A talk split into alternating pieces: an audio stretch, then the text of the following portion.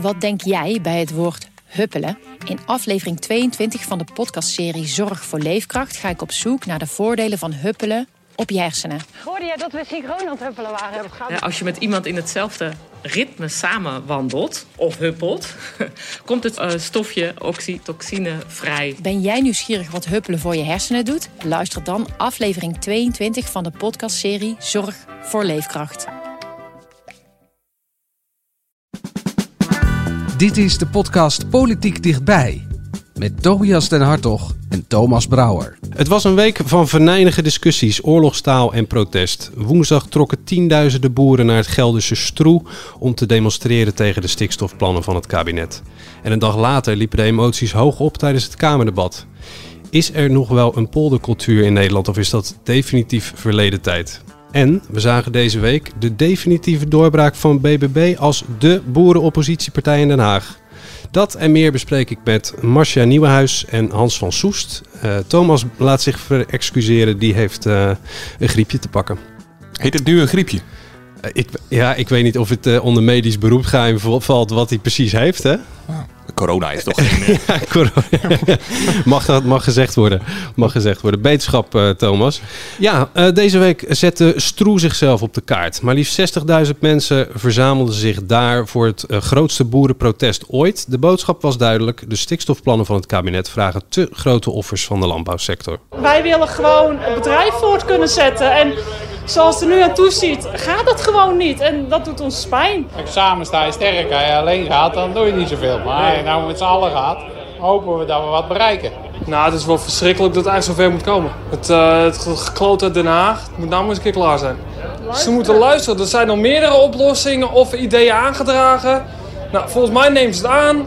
Zodra de, degene die het aandraagt weg is, donderdag zo de prullenbak en gaan ze weer verder met de gekloot wat ze aan het doen zijn. Sorry voor mijn taal. Ja, het gekloot wat ze aan het doen zijn in Den Haag. Is dat nou een terecht verwijt, Hans?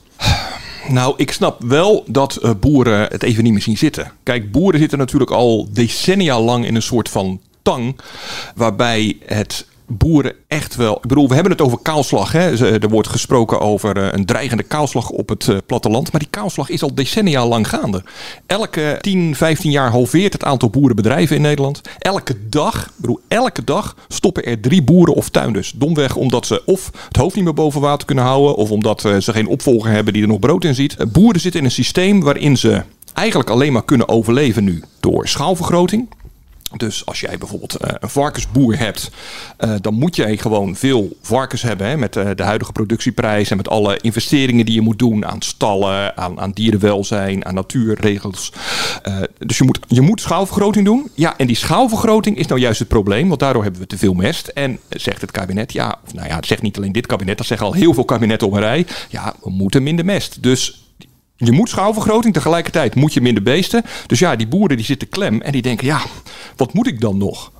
Ja, gezien de regels op, op het gebied van stikstof, hè, de rechter die daar een oordeel in heeft geveld, landt het probleem nu, in, hè, zo lijkt het althans, geheel en al bij de boeren. Maar is dat nou zo, Marcia? Zijn de boeren sec nu dader en ja, deel van de oplossing?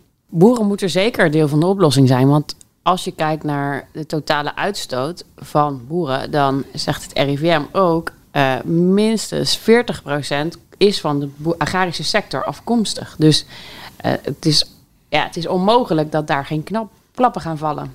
Ik denk wel dat uh, de politiek misschien ook ja, te voorzichtig is geweest. Hè. Die uitspraak van de Raad van State is al van mei 2019.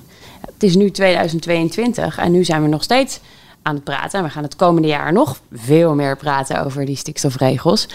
Uh, dus er is misschien ook ja, toch wel echt wat wijfelend gereageerd op die uitspraak van de Raad van State. En ik snap wel de frustratie bij boeren als ze de ene filter na de andere filter hebben ingevoerd in de hoop dan schoner te zijn. Ja, dat is eigenlijk allemaal niet genoeg geweest. Hè? Dus er zullen echt grote klappen gaan vallen. Als je kijkt naar dat kaartje, het omstreden kaartje, uh, waar het natuurlijk ook in het debat heet, heet het om ging, dan zie je dat in Gelderland bijvoorbeeld, dus daar heb je een enorm natuurgebied en pal daarnaast zitten gigantisch veel boeren. Ja, dat kan niet anders dan dat dat er heel anders uit gaat zien. Tegelijkertijd laten we eh, inderdaad niet doen alsof het alleen maar eh, de boeren zijn die de klappen eh, moeten opvangen.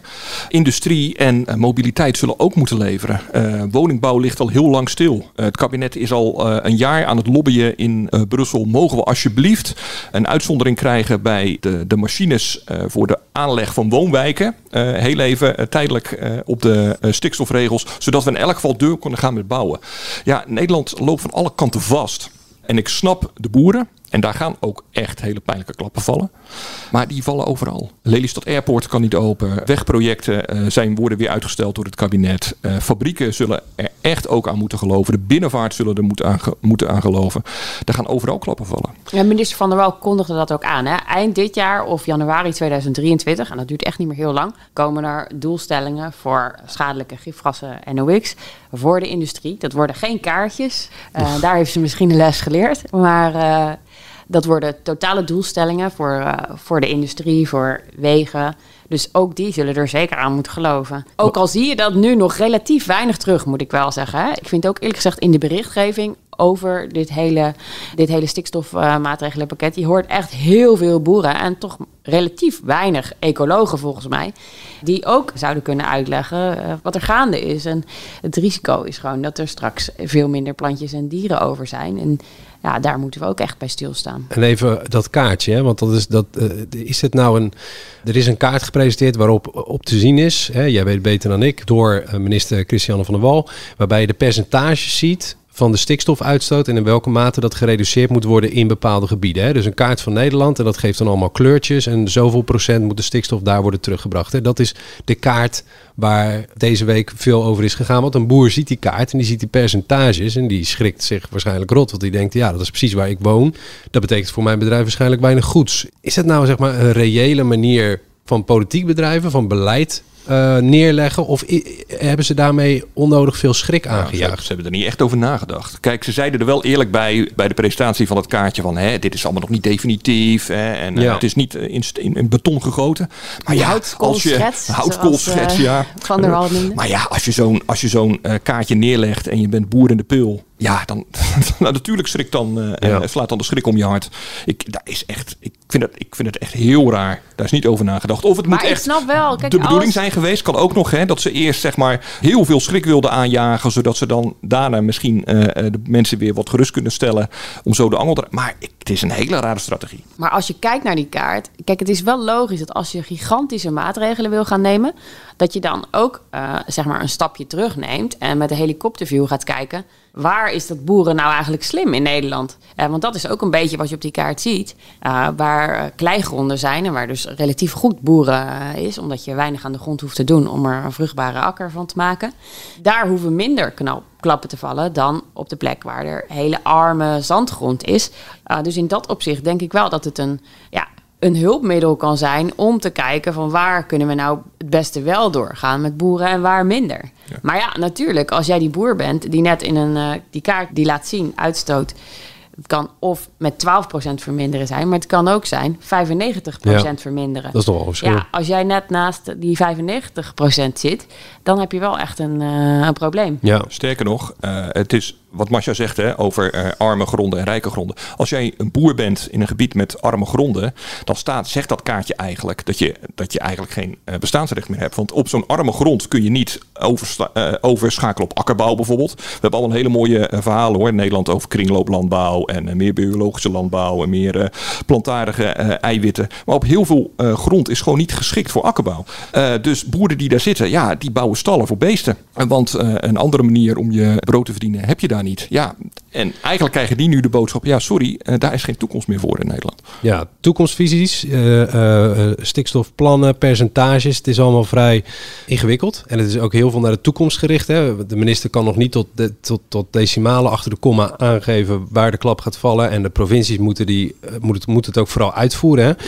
Er waren wel zes mensen op dat podium in Stroe. Die hadden een hele simpele oplossing. Namelijk, dit is een fictief probleem te weten. Leden van de oppositie, waaronder BBB, Forum voor Democratie, uh, Ja 21, die stonden op dat podium daar in Stroe. En ja, die hadden een vrij overzichtelijke boodschap voor de boeren. Van ja, wij, wij doen niet mee.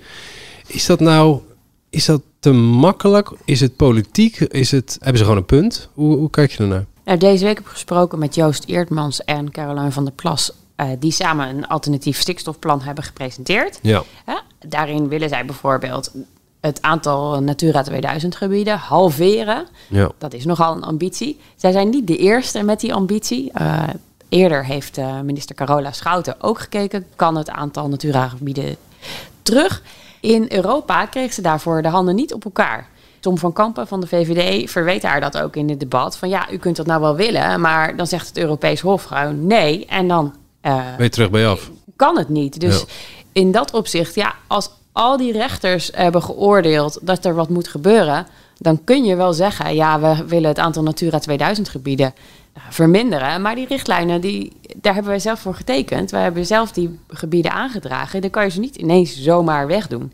Dus in dat opzicht kan ik me wel voorstellen dat het leidt tot extra wantrouwen als nou uiteindelijk blijkt dat het die partijen dan toch niet lukt om die gebieden te verminderen. Ik heb daar ook over gesproken met Jan-Willem Erisman, een eh, hoogleraar, eigenlijk de stikstofprofessor van Nederland. En die zegt ook, ja, dat is niet mogelijk. Dan kom je van een koude kermis thuis. Dus eigenlijk is het, het vooruitzicht wat zij voorspiegelen, is, een, is echt geen re- reëel alternatief. Nou, ze hadden een tienpuntenplan. eh dus er zijn eh, best wel een aantal punten waarop je wel, waar, nou ja, waarop ze wel hun, hun gelijk kunnen halen, denk ik. Maar van een aantal punten kun je wel degelijk de haalbaarheid betwisten. Nou ja, het is ook niet dat er niet iets geprobeerd is hè, de afgelopen twintig jaar om eh, iets te doen aan die stikstofregels. We hebben het geprobeerd met de pasregels. Die worden nu overigens enorm afgebrand alsof het een heel dom idee was. Maar ook toen hebben juristen ernaar gekeken en gezegd van oh, dat, is, dat moet kan kunnen. wel. Alleen ja, uiteindelijk heeft de rechter gezegd het mag niet. Ja, en ja, weet je, we, we kunnen wel zeggen het is geen echt probleem. Maar ja, als de rechter zegt het is het wel, ja, dan is dat toch de realiteit waarmee we te dealen hebben. Ik veracht uw woorden. Schaamt u zich eigenlijk niet? De bestuurscultuur, de nieuwe bestuurscultuur. Factionem cartellum. Doe eens normaal, man. Lekker zelf normaal. De woorden zijn teruggenomen. Dat ik bewuste uitspraak heb gedaan die ik heb gedaan. De meest opvallende uitspraak van de week. Ja, ik ben enig jurylid en ik heb gekozen voor een fragment. Het gaat over oorlogstaal. Het gaat over eh, twee mannen die normaal gesproken hun woorden zorgvuldig wegen. Dat doen ze eigenlijk nog steeds wel, denk ik. Maar het woord oorlog viel zowel bij Gert-Jan Segers deze week als bij Mark Rutte. Eh, luister eerst even naar Gert-Jan Segers. Deze crisis, deze stikstofcrisis, heeft alles in zich om totaal te ontsporen. In een enorme polarisatie tussen stad en platteland. Tussen de ene helft van Nederland tegen de andere helft van Nederland. We gaan nu schaarste verdelen. Schaarste eh, in stikstofruimte, in, in gezonde lucht, in goede bodem. Ehm, en dan kun je, eh, dat kan echt een, een, een, een nou ja, misschien nog net op een beschaafde manier, maar toch een vorm van een burgeroorlog worden. Ja, een beschaafde vorm van een burgeroorlog. Ik weet niet hoe je dat precies moet voorstellen. Maar het was in ieder geval het woord burgeroorlog. Vond ik opvallend. Eh te meer omdat er eh, afgelopen vrijdag, precies een week geleden dus vandaag, nog iemand over oorlog sprak. Die oorlog daar is de onze. Laten we daar nou even wel met elkaar over eens worden. Eh, als wij niet bereid zijn om ervoor te zorgen dat Oekraïne de overwinning kan boeken, en daar alles aan te doen, waarbij we gezegd hebben de rode grens, de rode lijn is dat we niet de NAVO in een rechtstreeks conflict brengen met Rusland. Eh, maar verder doen we alles wat we kunnen met financiële steun, humanitaire steun, maar ook met hele zware wapensystemen. En dat doen we omdat dit onze oorlog is. Ik zat nog even te kauwen op uw woorden wat u net zei. Oh, dit is onze oorlog. Misschien een beetje een semantische discussie, maar is Nederland dan in oorlog op dit moment? Nee, dat is niet een oorlog. Oh, hoe moet ik dat scheiden? Het dat is een morele- is het ook onze oorlog. Eh, eh, Oekraïne eh, moet winnen. Dat is echt van groot belang. In ieder geval moeten wij ervoor zorgen dat we er alles aan doen om voor hen die overwinning dichterbij te brengen.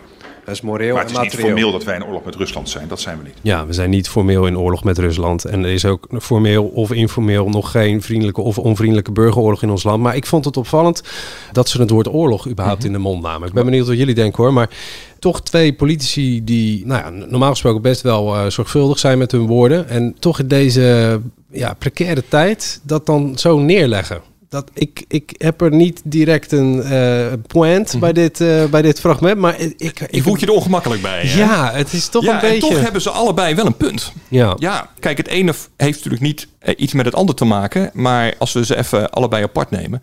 Kijk, Segers waarschuwt ervoor dat de kloof tussen stad en platteland, tussen Den Haag en de, nou ja, zeg maar de regio, wel echt heel groot is geworden. En dat mensen, dat boeren in dit geval, gewoon echt niet begrijpen Waarom uh, ze al jarenlang allerlei regels moeten implementeren, moeten investeren in natuurmaatregelen en het steeds maar niet genoeg is.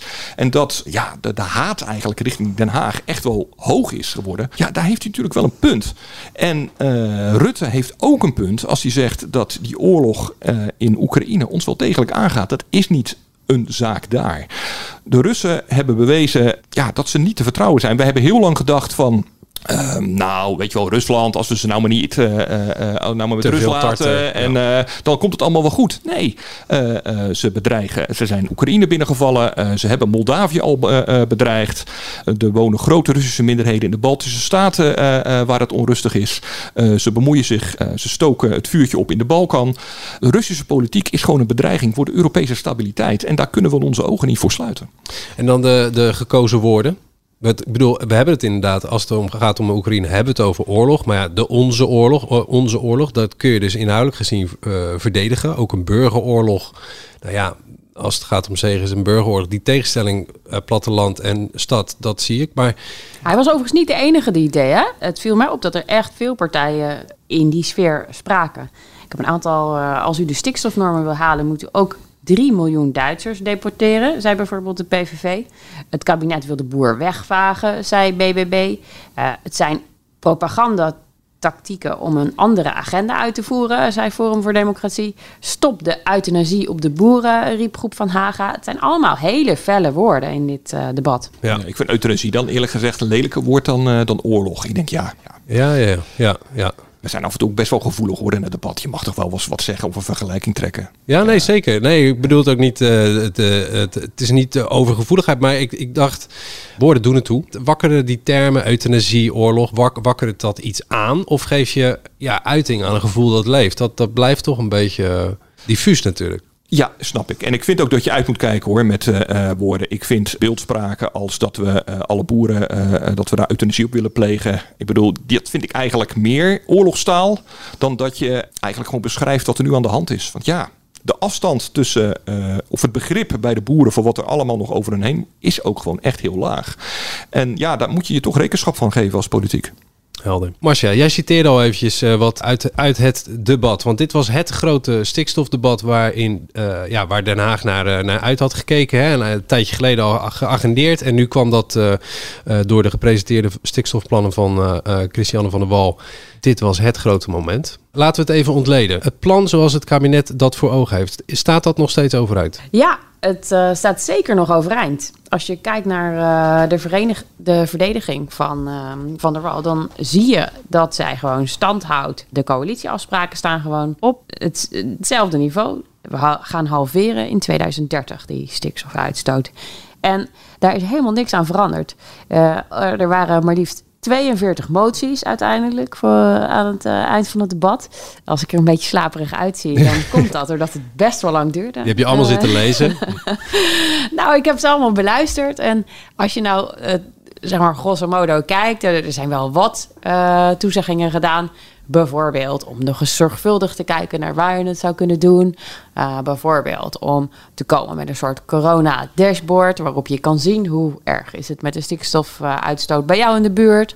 Uh, bijvoorbeeld om te kijken, uh, kunnen we het goed meten? Maar goed, dat zijn allemaal eigenlijk Sympathieke moties. Me, uh, maar het futiele details. Ja. Uh, de, de, de afspraken staan gewoon uh, recht overeind. Ja, de tanker die gaat, uh, gaat voort. Dat is, dus heel dat protest in Stroe, al dat geluid van de, de alternatieve plannen van BBB, ja 21. Uiteindelijk is het, is het de coalitie dan die gewoon vasthoudt aan het regeerakkoord? Of is er ook wel steun vanuit de oppositie? Nee, zeker is het uh, de coalitie die vasthoudt aan de afspraken. Maar daarnaast is er ook steun van bijvoorbeeld uh, Jesse Klaver hè, van GroenLinks. Die zei, uh, stop nou, het is te belangrijk om niks te doen aan die natuur. En die steunt ook de stikstofkaart volledig. Het enige wat mij wel aan het debat opviel, want die doelen blijven inderdaad overeind staan. Hè, daar, daar gaat, zie ik ook niet zo snel iets aan veranderen. tegelijkertijd werden er eigenlijk twee dingen besproken tijdens het debat. Van de ene kant was het, het uh, de doelen, de stikstofdoelen die moeten worden gehaald. Uh, en van de andere kant was het, en wat voor perspectief kregen boeren dan nog? He, er lagen, eigenlijk werden er twee brieven besproken. En die brief van Staghouwer, eh, ik weet niet hoe jij het hebt eh, eh, beleefd, uh, Marcia, maar ik moest op een gegeven moment. Grond gelijk gemaakt, nou ja, Op een gegeven moment werd het gewoon bijna lachwekkend, het, het debat. Je mag toch verwachten als boer dat je iets meer te horen zou krijgen. Ja, maar wat moet ik dan nog doen? Maar het bleef eigenlijk niet meer dan bij. Ja, ja, ja, ik kom nog met een brief. En dan kom ik nog met een brief. En dan kom ik nog met een brief. En daarmee moest de Kamer het dan doen. Ja, ik, het, het was echt een beetje, Ja, een beetje pijnlijk om te zien. Kamerlid zei ook, ik, ik begin steeds beter te begrijpen waarom die boeren zo boos waren. Eh Jesse Klaver deed af als broddelwerk. Het, zei, het waren tientallen pagina's. Ja, er stond relatief weinig in. Er stond in, ik wil afspraken gaan maken met de industrie. Eh, maar dat laat ik dan wel even aan de industrie zelf over. En als het ze dan over een half jaar niet gelukt is, nou dan kom ik misschien met iets. Ja, dat is natuurlijk voor een sector waar zulke grote maatregelen genomen worden, wel echt een heel pijnlijk dun antwoord. Eh, en dat werd ook pijnlijk duidelijk. Ik bedoel, het werd op een gegeven moment zelfs even geschorst. Want eh, eh, die minister zei ja als... eh, Minister Klaver- Staghouder. Ja, Ja. minister Staghouder zei dus... Ja, als Jesse Klaver mij vraagt om in september met een brief te komen... dan weet ik niet of ik dat wel zorgvuldig kan doen. Nou, vervolgens eist de Kamer dat dus. Dus de, in elk geval de vakantie van Henk Staghouder is sowieso naar de haaien. Want die heeft echt een eh, flinke taak eh, te doen deze zomer. Nou ja, we hadden het net even over dat er misschien niet goed genoeg is nagedacht over eh de hoe kaart. presenteren we het, Ja. weet je wel, met, met dat kaartje. Maar er is eigenlijk nog iets veel ergers. Er is ook niet goed nagedacht over de bijbehorende brief van Staghouwer. Mhm. Eh, die, want je mag toch als een kabinet eh, met zo'n ingrijpend plan komt, dan mag je toch verwachten dat het kabinet tegelijkertijd een iets uitgewerkter plan hebt over hoe dan. En ja, dat blijft nog wel heel erg in het vage. Want eventjes voor de helderheid, Staghouwer is minister van Landbouw. Die heeft niet heel veel meer taken toch dan deze klus te klaren, deze kabinetsperiode. Ik bedoel, er is 25 miljard voor gereserveerd. Dus dat, dan heb je toch... Dat is dus een zaak A, A, B en C. Ik bedoel, dan is het toch verder niet zoveel. Hoe kan het dan dat zo'n toch verzand in een beetje Nou ja, een ik denk broddelwerk eerlijk gezegd dat hij zelf wel denkt dat hij eh, eh, een goede brief heeft. Dat, tenminste, die indruk eh, wekt hij. Ik bedoel, hij komt met oplossingen als, nou ja, hè, je kunt ook een camping beginnen. Of je kunt subsidie krijgen als je de, de oevers van sloten eh, eh, natuurbeheer eh, doet. Je kunt misschien zelf ook kaas gaan maken en in plaats van alleen melk produceren.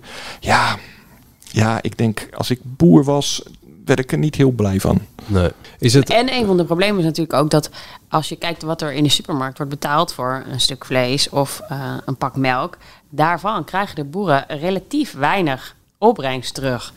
Uh, dus waar die boeren natuurlijk enorm op zitten wachten is, ja, gaan de, de grote partijen, de, de heus bijvoorbeeld, de, de, de voedselketen, de Unilevers, gaan die ook wat bijdragen aan uh, de inkomsten van de boer? Want uh, die zijn er door de jaren heen wel ja, schever geworden. En de boeren hebben er minder aan overgehouden uiteindelijk dan um, misschien jaren geleden het geval was. En op dat punt kon Staghouwer al iets overleggen? Had hij daar al iets van werk van gemaakt? Het was, was heel dun. En ik moet ook zeggen, de, de manier van presenteren droeg niet bij aan de, de sterke indruk die je kreeg. Want, op een gegeven moment uh, werd hij bijvoorbeeld gevraagd van nou, uh, kunnen we een paar blokjes overslaan? Nou, toen, toen heeft hij echt minutenlang, ja, voor, voor, mijn gevoel leek het wel een uur, dat zal niet zo geweest zijn, maar ze staan bladeren door die papieren die hij heeft van zijn ambtenaren en op zoek naar het juiste mapje. Het, het kwam niet uh, sterk ja, over. Als ik, als ik één ding dan uh, uh, in het voordeel van Staghouwer mag zeggen, onderdeel van zijn hij heeft van zijn plan is wel dat hij, als het gaat over een eerlijke prijs hè, voor boeren voor hun producten moeten krijgen. Want dat is natuurlijk het probleem. Hè. Boeren zijn nu gedwongen tot uh, schaalvergroting. Uh, juist omdat ze te weinig kunnen verdienen aan, aan hun vlees of aan hun zuivel. Dus hij wil dat die prijzen omhoog gaan. En hij, heeft, hij schermt ermee dat als het niet lukt om met de industrie en de supermarkten daar goede afspraken over te maken. om het Franse model over te nemen. waar um, een soort van minimumprijs. Um, je krijgt in ieder geval de kostprijs ja, terug als boer voor je, uh, voor je product. Nou ja, dat is op zich. Zou je dat gerust kunnen stellen? Het enige probleem daarbij is natuurlijk wel um, dat stel wij zouden uh, Nederlandse melk duurder maken, ja, dan kunnen supermarkten natuurlijk gewoon goedkopere melk uit Duitsland uh, halen.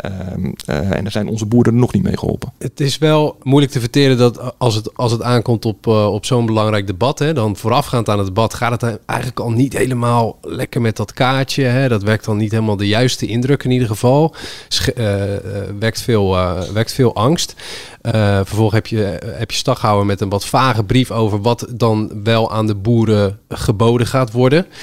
Is dit, eh, dit het, het, het doet wel een beetje aan als het kabinet dat een heel groot probleem wil en moet gaan tackelen. En dat verzandt dan in ja, een beetje geblunder en getalm. En is dat, zegt dat iets over de Kwaliteit van het kabinet? ja, over de kwaliteit van het kabinet wellicht? Ja, ik weet het niet. Nou ja, misschien wel. Eh, tegelijkertijd zegt het misschien ook gewoon iets over de enorme ingewikkeldheid van het probleem. Want op één volgende kabinetten zijn er niet in geslaagd dit probleem op te lossen. Eh, en dat is niet omdat er alleen maar eh, domme mensen op die ministeries werken of er alleen maar domme mensen in de politiek zitten natuurlijk. Dat is echt niet waar.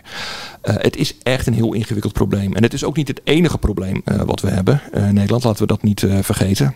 We hebben nogal wat, wat crisissen te managen. Dus ja, ik, dit, dit is niet een probleem wat we morgen hebben opgelost. Nee. En in dat opzicht worden er nu wel echt meters gemaakt. Hè? Je, ziet, je merkt dat zelfs eh, GroenLinks bewondering uit voor eh, de plannen van eh, Van der Wal om toch eens een keer echt wat te gaan doen. Er wordt wel ingegrepen nu. Ja. Zei het met heel veel pijn. En, ja, ja. Er was nog een hoofdrolspeler in het debat. Eh, Caroline van der Plas van BBB. Hè? Eh, eigenlijk eh, goed voor één zetel in de, in de Tweede Kamer. Eh, maar jij stond aan het einde van de avond nog even een, eh, sigaretje te roken met, met Caroline uh, Ja, het debat was eerlijk gezegd nog niet eens voorbij. Oh, het was er niet eens voorbij. ja, wat, wat heb je daar wat heb je gehoord? Ik, ik sprak haar even aan, want alle, alle leden krijgen in principe zes minuten. Tenzij je afgesplitst bent, krijg je drie minuten. Maar ik zat even te klokken en Caroline, die kreeg dus in totaal 1 uur 42 spreektijd. Doordat ze de hele tijd werd geïnterrumpeerd door links, door rechts, door, nou ja, door, door wie niet, kun je bijna afvragen.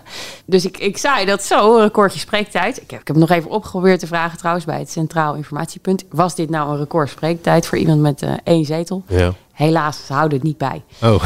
Maar ik moet eerlijk zeggen, ik kan me g- niet heugen dat er eerder een, een eenmansfractie zo eh, veel in de, ja, in de kijker stond tijdens eh, een debat.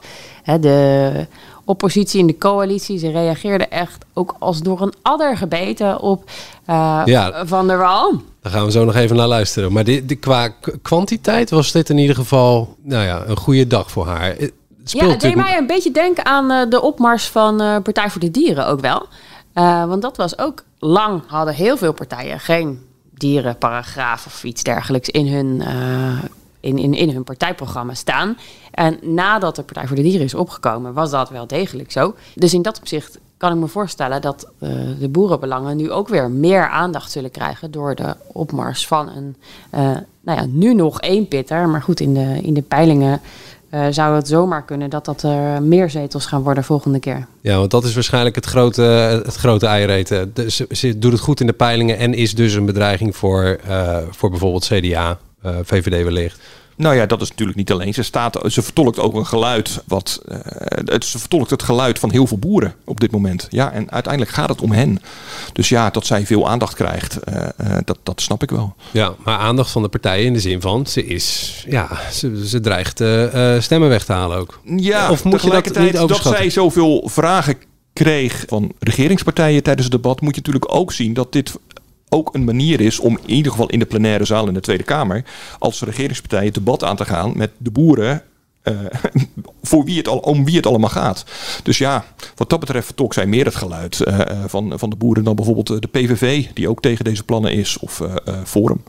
Is die boerenstem overigens wel, ik bedoel, zijn dat nog zoveel stemmen dat dat reikt tot de 13 zetels waar zij nu, eh, waar Caroline van der Plas met BBB op geteld Nee, wordt? als je puur naar het aantal eh, boeren eh, kijkt, niet. Maar het is natuurlijk niet zo dat alleen boeren tegen dit beleid zijn. Er zijn heel veel mensen die gewoon moeite hebben met dit beleid. En die, die Nederland zien veranderen in hele korte, snelle tijd. En die zich echt afvragen, jongens, is het nou echt allemaal nodig?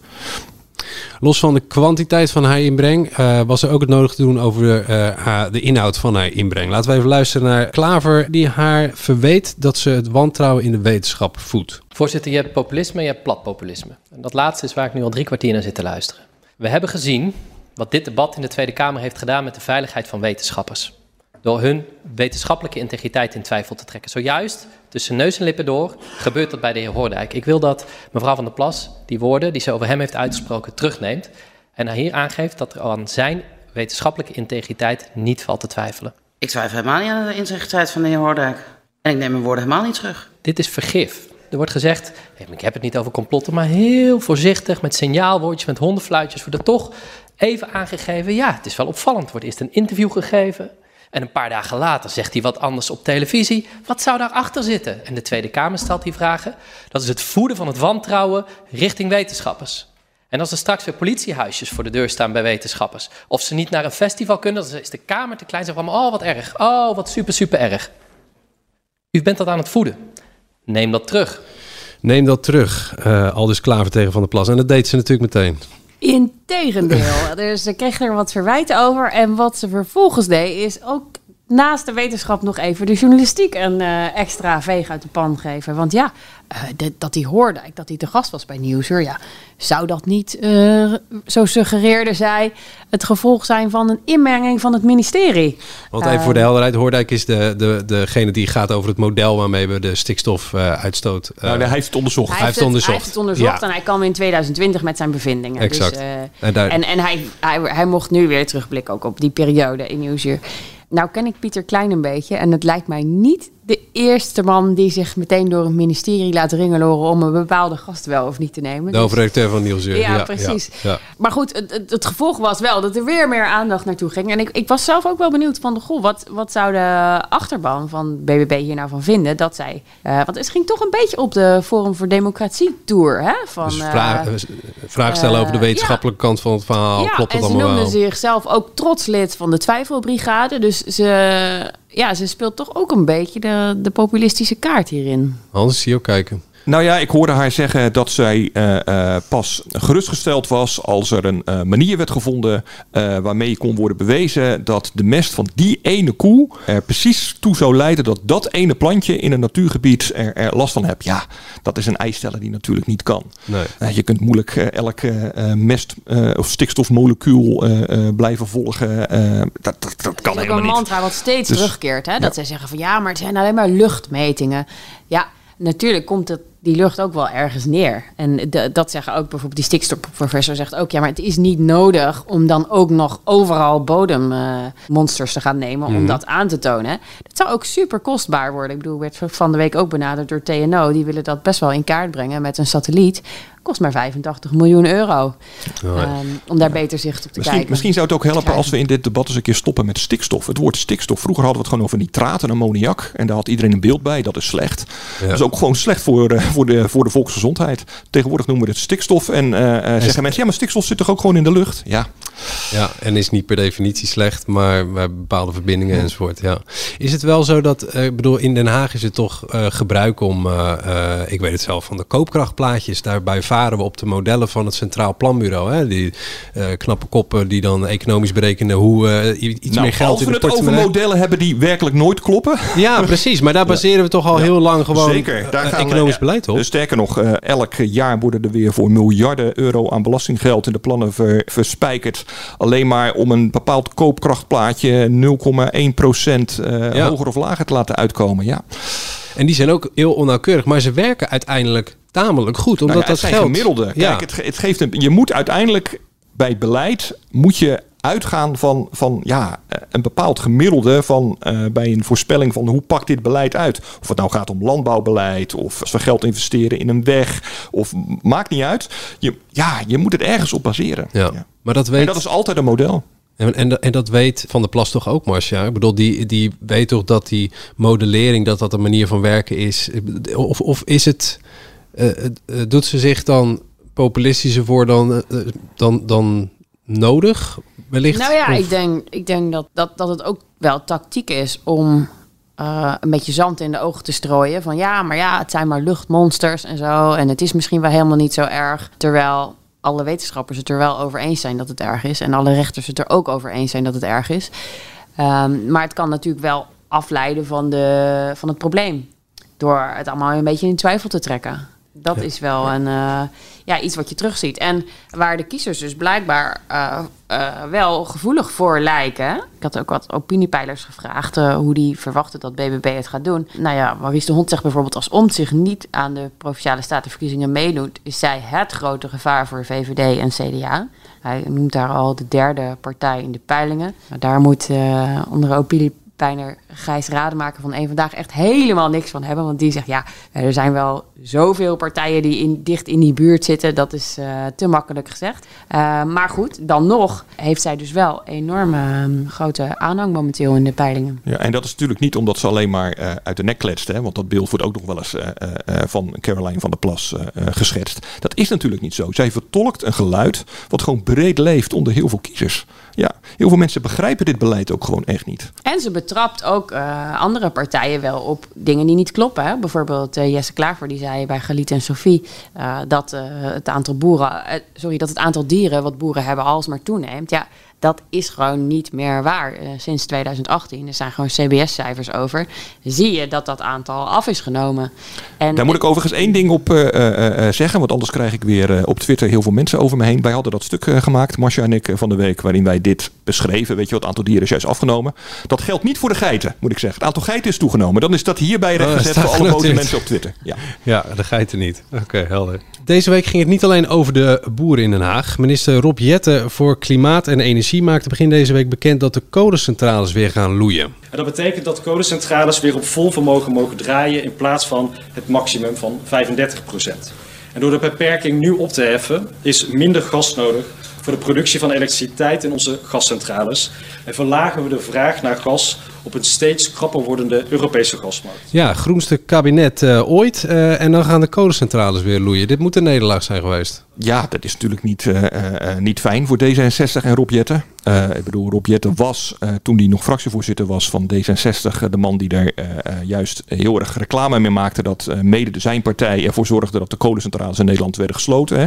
Duimpje die, omhoog, ja, die beroemde Hemweg, ja, de Hemwegcentrale in Amsterdam. Wij halen ja, hem weg. Ja, tegelijkertijd, ja, hij heeft nu een andere verantwoordelijkheid. En volgens mij is het een heel verstandig besluit. Ja, we hebben gewoon een enorme energiecrisis ste uh, steven op af. Niet alleen in Nederland, maar in heel Europa. Er dreigt een gastekort voor komende winter. Ja, en daar moet je een zorgmaatregelen opnemen. En een van de dingen is, uh, laat de kolencentrales weer voldoende draaien, zodat we minder gas nu hoeven te verstoken. Dat kunnen bewaren voor komende winter als we het hard nodig hebben. Ja. En Nederland staat daarin niet alleen. Hè? Duitsland neemt gelijk soort Zeker. maatregelen. Ja, nou dat was ook de directe aanleiding waarom wij niet meer... Nou ja, de directe aanleiding was eigenlijk omdat vorige week de Russen de gaskraan naar Duitsland verder hebben dicht uh, afgeknepen. We moeten de zomer normaal gesproken altijd gebruiken om onze gasvoorraden te vullen. Dan, dan, dan stoken we minder thuis. Uh, ja, en dat lukt nu niet. Dus ja, je moet iets anders doen. Dus nee, ik vind het een. Uh, kijk, links stond meteen weer uh, op zijn achterste benen dat het belachelijk was en dit en dat. Maar ja, wat moet je dan? Ja, er is geen alternatief. Ja, je kunt moeilijk tegen mensen dadelijk zeggen in de zomer, ja, uh, of in de winter, sorry, uh, uh, zet de verwarming maar niet aan of ga maar niet douchen. Ja, zo werkt het niet. En er is een bijkomend financieel voordeel, want die kolencentrales die werden tot nu toe beperkt. Die mochten maar 35% van hun normale capaciteit gebruiken om te stoken. Daarvoor eisten zij van het kabinet 1,9 miljard euro. En die, dat geld zegt uh, Jette, kun je nu ook weer gebruiken om uh, bijvoorbeeld uh, schonere maatregelen te nemen. Ja, dus uh, dat, dat is wel uh, wat, wat Jette meteen heeft aangekondigd. We gaan uh, die, die CO2-uitstoot, die nu extra door die komt, kolencentrales, door die kolencentrales ja. gaan we op een andere manier compenseren. Dus dat geld zal op een andere manier worden aangewend. Kolencentrales weer open, boerenprotesten in Stroe, duizenden, tienduizenden. Is het de, de komende weken wat, wat rustiger, weken daarna? Is het overzichtelijker, voor zover we weten? Hebben we al een agenda gezien? Nou, of, we geleiden zo langzamerhand richting het reces. En dan gaat de Tweede Kamer twee maanden op werkbezoek, zeggen we dan altijd. Ja, ja op ja. werkbezoek. Allemaal naar boeren waarschijnlijk. Ik denk, nou ja, uh, uh, sommigen zullen dat zeker doen. Ja. Okay. Dank jullie wel. Tot volgende week.